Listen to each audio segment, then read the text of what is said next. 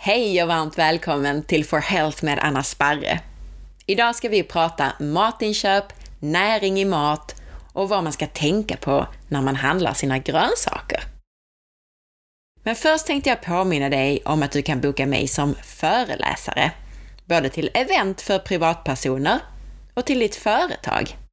Maila mig om du är intresserad av det här. Tack snälla ni för att ni lämnar betyg och recensioner. Jag vill också gärna att just du lämnar ett betyg på podcasten i iTunes eller i din podcast-app. Om du vill så passa på att skriva en recension. Tänk på att om du redan prenumererar på podden så behöver du söka fram podcasten för att lämna ett betyg. Du gör inte det under Mina podcaster, utan söker fram podden på nytt i din telefon med hjälp av sökfunktionen. Och där kan du välja recensioner. Betyg och recensioner hjälper till att hålla podden aktuell i iTunes och det gör i sin tur att det är lättare att få hit de mest intressanta intervjupersonerna och att hålla podden vid liv. Så tack snälla ni för att ni hjälper till och lämnar betyg och recensioner. Jag ser också fler och fler recensioner på Facebook. Jag gissar att det är ni lyssnare som använder Android som kanske inte har tillgång till iTunes. Det kom bland annat en från Magnus som skriver så här. Det är mycket hög kvalitet och sakliga argument i allt som skrivs och sägs. Bra och logiska förklaringar och något som är ovanligt bra är avsaknaden av pajkastning mot andra med andra åsikter. Tack snälla Magnus för de här fina orden.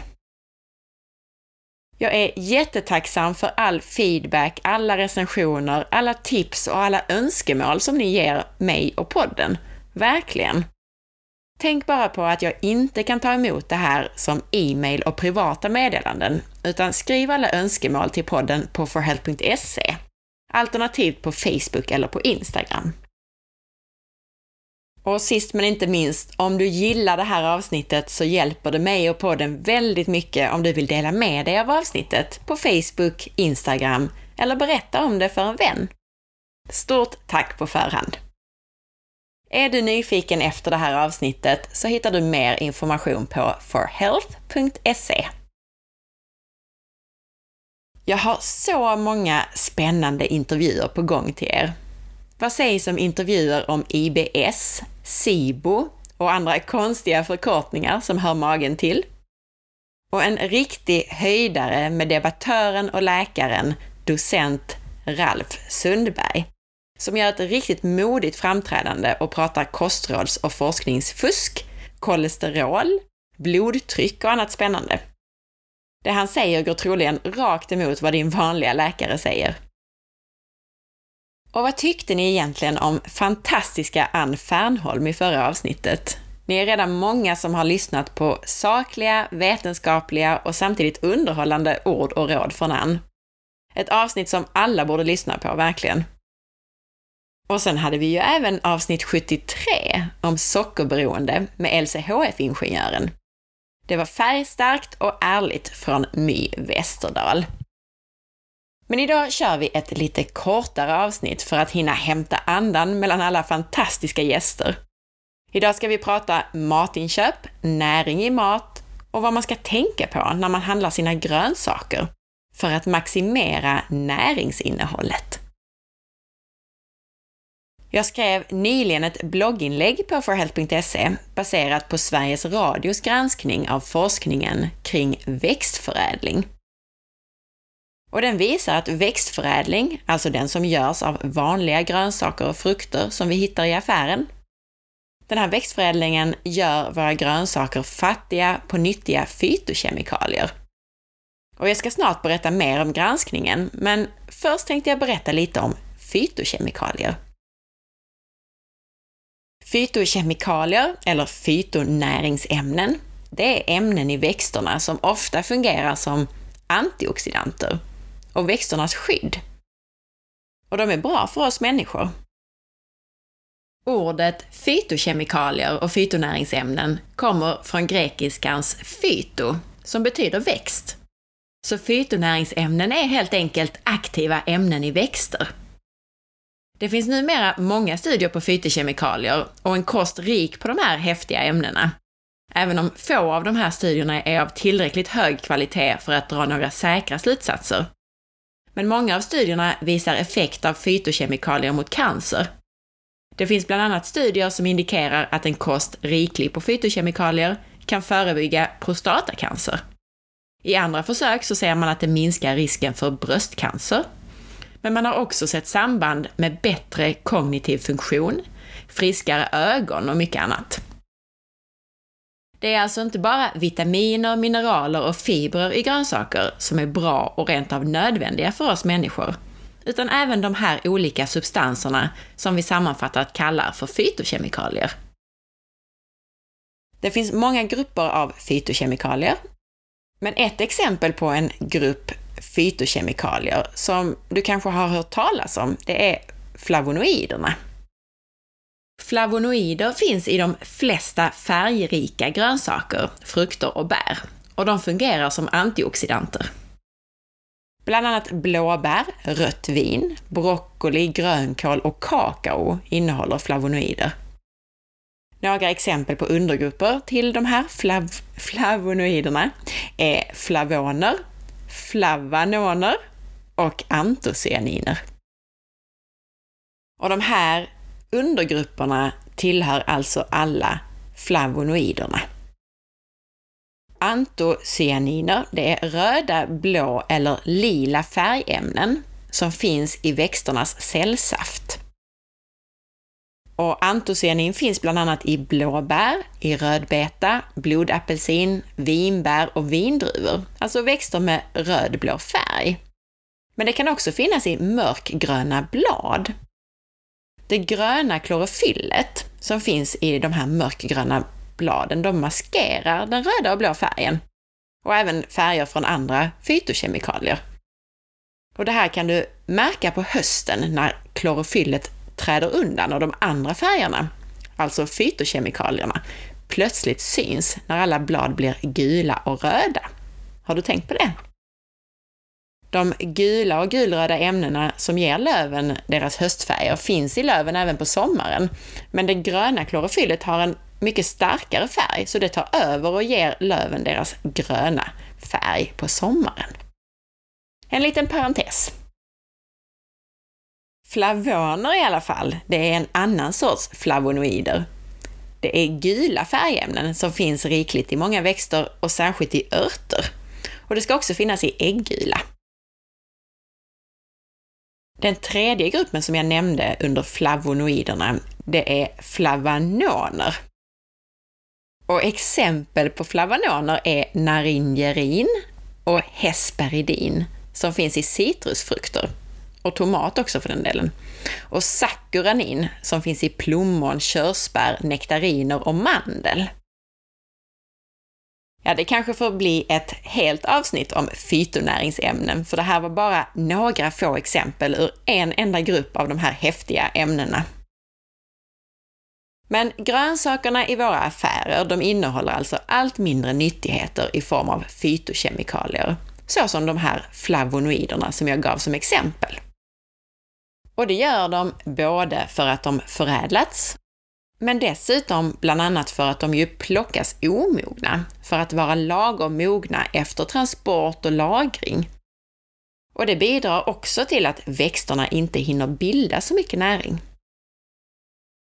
När man undersöker skillnader i innehåll av nyttiga sådana här fytonäringsämnen i till exempel broccoli och blåbär, så kan det skilja ett par hundra procent mellan olika sorter. Alltså enormt stora skillnader beroende på vilken broccoli du väljer. Och butikskedjorna har hittills inte prioriterat att efterfråga de nyttigaste och näringsrikaste sorterna. Och vid växtförädling så har man inte tittat så mycket på näringsinnehåll. Ofta handlar det om avkastning och hållbarhet, alltså tåliga stora grönsaker, frukter och bär istället för näringsinnehåll. Man har egentligen inte tittat alls på näringsinnehållet utan bara hoppats på att det ska vara oförändrat eller inte brytt sig. Ekologiska grönsaker innehåller enligt vissa studier mer fytokemikalier än konventionellt odlade. Och det gör de troligen eftersom de växer i en tuffare miljö, med mindre kväve och utan kemiska bekämpningsmedel mot sjukdomar och skadeinsekter. De ekologiska grönsakerna producerar därför mer sådana här fytokemikalier för att skydda sig mot den stress som de utsätts för. De här ämnena, fytokemikalier, är ju en sorts skydd för växten. Och därmed så producerar de mer om de lever i tuffare förutsättningar. Jag ska ta upp några exempel på resultat från studier på näringsinnehållet av fytokemikalier. När man tittade på jordgubbar så såg man att det genomsnittliga innehållet av fytokemikalier som kallas för fenoler i vilda arter av jordgubbar var mycket högre än i de odlade varianterna. Och när man tittade på grönkål så var det framför allt de traditionella gamla sorterna som innehöll höga koncentrationer av flavonoider. Och sen tittade man på tomater och vilda tomater innehöll högre koncentrationer av lykopen, också en fytokemikalie. Och när det gäller aubergine, eller äggplanta, så har växtförädlingen resulterat i en minskning av innehållet av fenoler. Och vilda släktingar har högre innehåll än i de odlade äggplantorna. Några riktlinjer för hur man kan tänka när man handlar grönsaker, det är att välja grönsaker med mycket färg. De här fytokemikalierna är ju ofta färgämnena i grönsaker, bär och frukt. Välj alltså, om du jämför två tomater så väljer du den rödaste tomaten till exempel. Ett annat tips är att välja de som luktar mest. Om inte annat för smakens skull. Lukta på tomater i affären till exempel nästa gång du handlar. Många sorter varken luktar eller smakar någonting, oftast för att de inte har fått mogna i solen och bilda sina nyttigheter. Välj också så nära skördedatum eller plockningsdatum, eller förpackningsdatum kanske man ska säga, som möjligt. Alltså det ska inte vara för länge sedan som grönsakerna plockades. För om det inte är det så har grönsakerna inte hunnit förlora så mycket av sin näring. Och det är ju ofta svårt att se hur länge sedan det var som de skördades, men påsar med färdigsköljda bladgrönsaker har ju oftast en förpackningsdag, eller åtminstone bäst före-datum i alla fall. Och då kan man ju välja den med bäst datum. Och det här är också en av många anledningar till att du bör välja grönsaker som är i säsong. Om det inte är säsong i Europa så importeras grönsakerna långt bort ifrån, vilket innebär att de har legat länge i transporter och plockats omogna. Och det var länge sedan de plockades helt enkelt.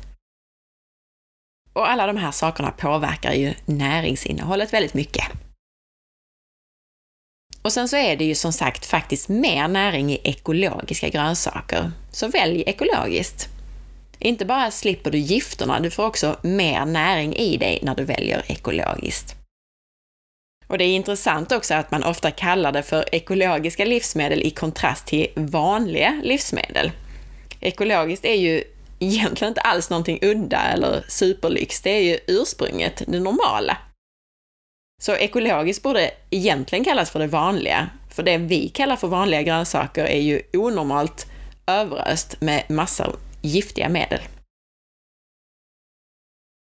Jag ska försöka summera vad näringsinnehållet i grönsaker och såklart i frukt och bär och andra växter också beror på. Och bland annat är det det här. Mognadsgrad och antalet soltimmar.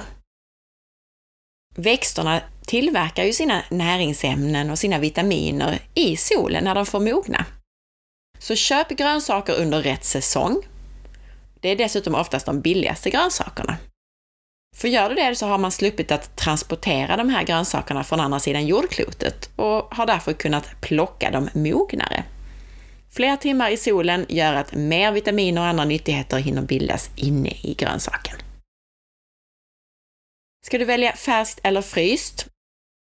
Det är inte alltid så att färskt är bättre än fryst. För medan färska grönsaker ofta inte har fått mogna i solen utan måste plockas omogna för vidare transport och lagring, så kan frysta grönsaker få mogna och sedan frysas direkt. Sen ska man titta på produktionssättet. Om till exempel svamp odlats på konstbädd så saknar den mineraler som normalt tas upp ur jorden. För plockar du svamp i naturen så är det väldigt rikt på mineraler. På de mineraler som finns i jorden där svampen växer. Men har de odlats på en torvbädd så är det lite torftigare. Näringsinnehållet beror också på konstgödsel och kemikalier. Konstgödsling tillför mest bara kväve, fosfor och kalium.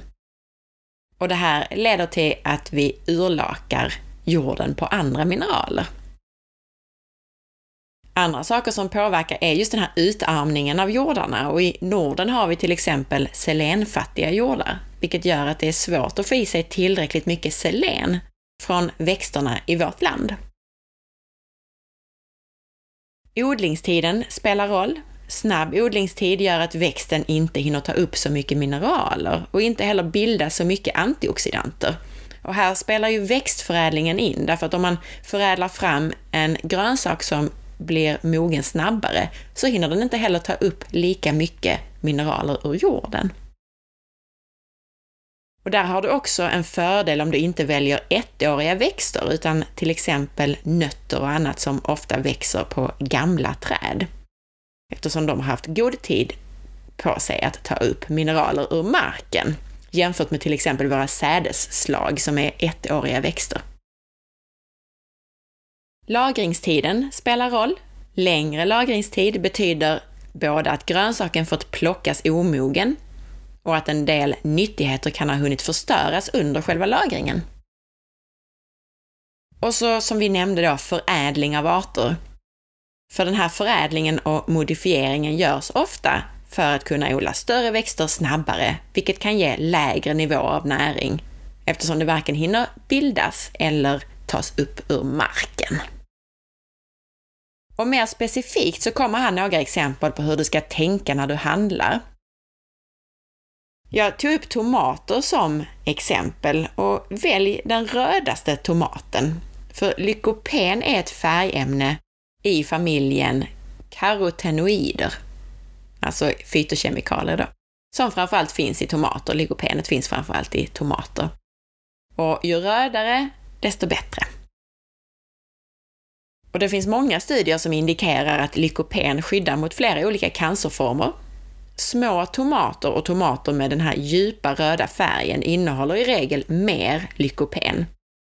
Och lykopenhalten blir högre när tomaterna värms upp. Så krossade eller passerade tomater och tomatjuice är faktiskt en extra bra källa till lykopen. Studier visar också att vilda tomater innehåller mer lykopen än de här kommersiella som vi köper i affären. Grönbladiga grönsaker som grönkål och rucola, spenat, men även broccoli och blomkål och rädisor har också gröna blad. Och de här grönsakerna innehåller mycket svavel, olika svavelföreningar. Och de innehåller andra ämnen också som karotenoider och andra fytokemikalier som man är ganska säker på har en positiv effekt på hälsan och som kan skydda mot olika sjukdomar. Och grönbladiga grönsaker innehåller mycket kalcium. Men det man ska veta om de här grönbladiga grönsakerna är att de förlorar sitt näringsinnehåll ganska snabbt efter skörden. Så ju färskare, desto bättre. Studier har också visat att de äldre grönkålssorterna innehåller mer fytokemikalier än de som oftast säljs kommersiellt idag. Så varför inte odla själv? Grönkål var bland det lättaste jag har odlat någon gång, för det är tåligt och det ger en stor skörd som kan vara ända från början av september till februari.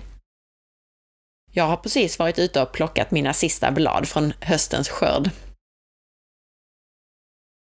när du handlar så ska du också välja lök som är mindre, alltså mindre till storleken. Studier tyder på att risken för flera cancerformer minskar om man regelbundet äter lök och vitlök. Och då är det oftast bättre att välja små gula lökar än stora, vattnigare och sötare. Om du äter potatis så ska du åtminstone leta upp gamla potatissorter för de moderna potatisarna är långt ifrån lika nyttiga som sina vilda släktingar.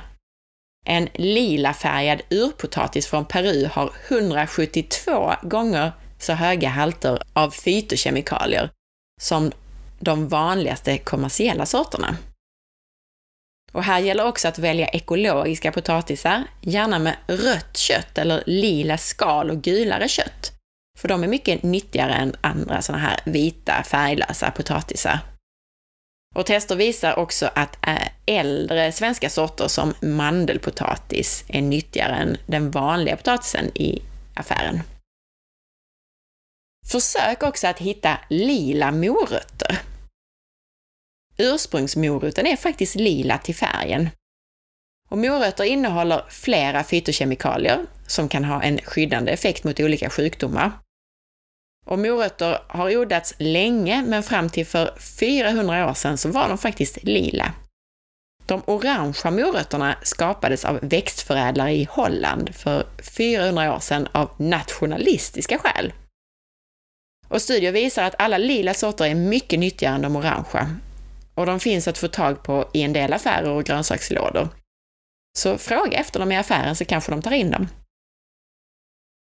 Precis som med ämnet lykopen i tomater så tar kroppen lättare upp ämnena i morötter om morötterna värms upp först och sen att man äter det ihop med fett. Om du köper bär så välj gärna svenska blåbär. Våra svenska blåbär hör till de allra nyttigaste bären.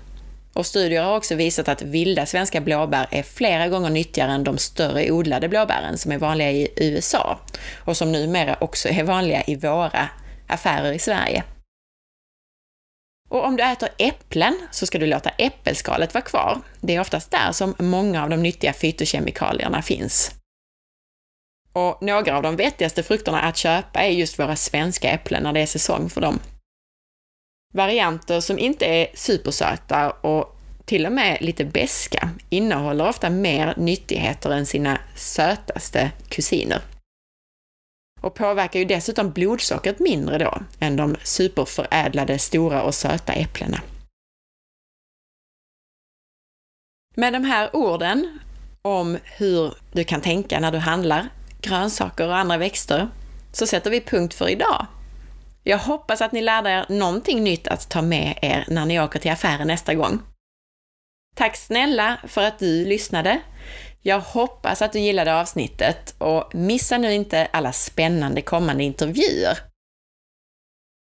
Om du gillade podcasten så glöm inte att dela med dig av det här avsnittet eller något annat till en vän eller bekant eller i sociala medier. Missa inte heller att följa med mig och podden på bloggen på forhealth.se.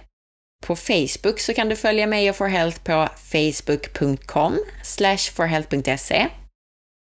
Och på Instagram så kan du hänga med via signaturen asparre. Ha en riktigt härlig dag så hörs vi snart igen. Hej då!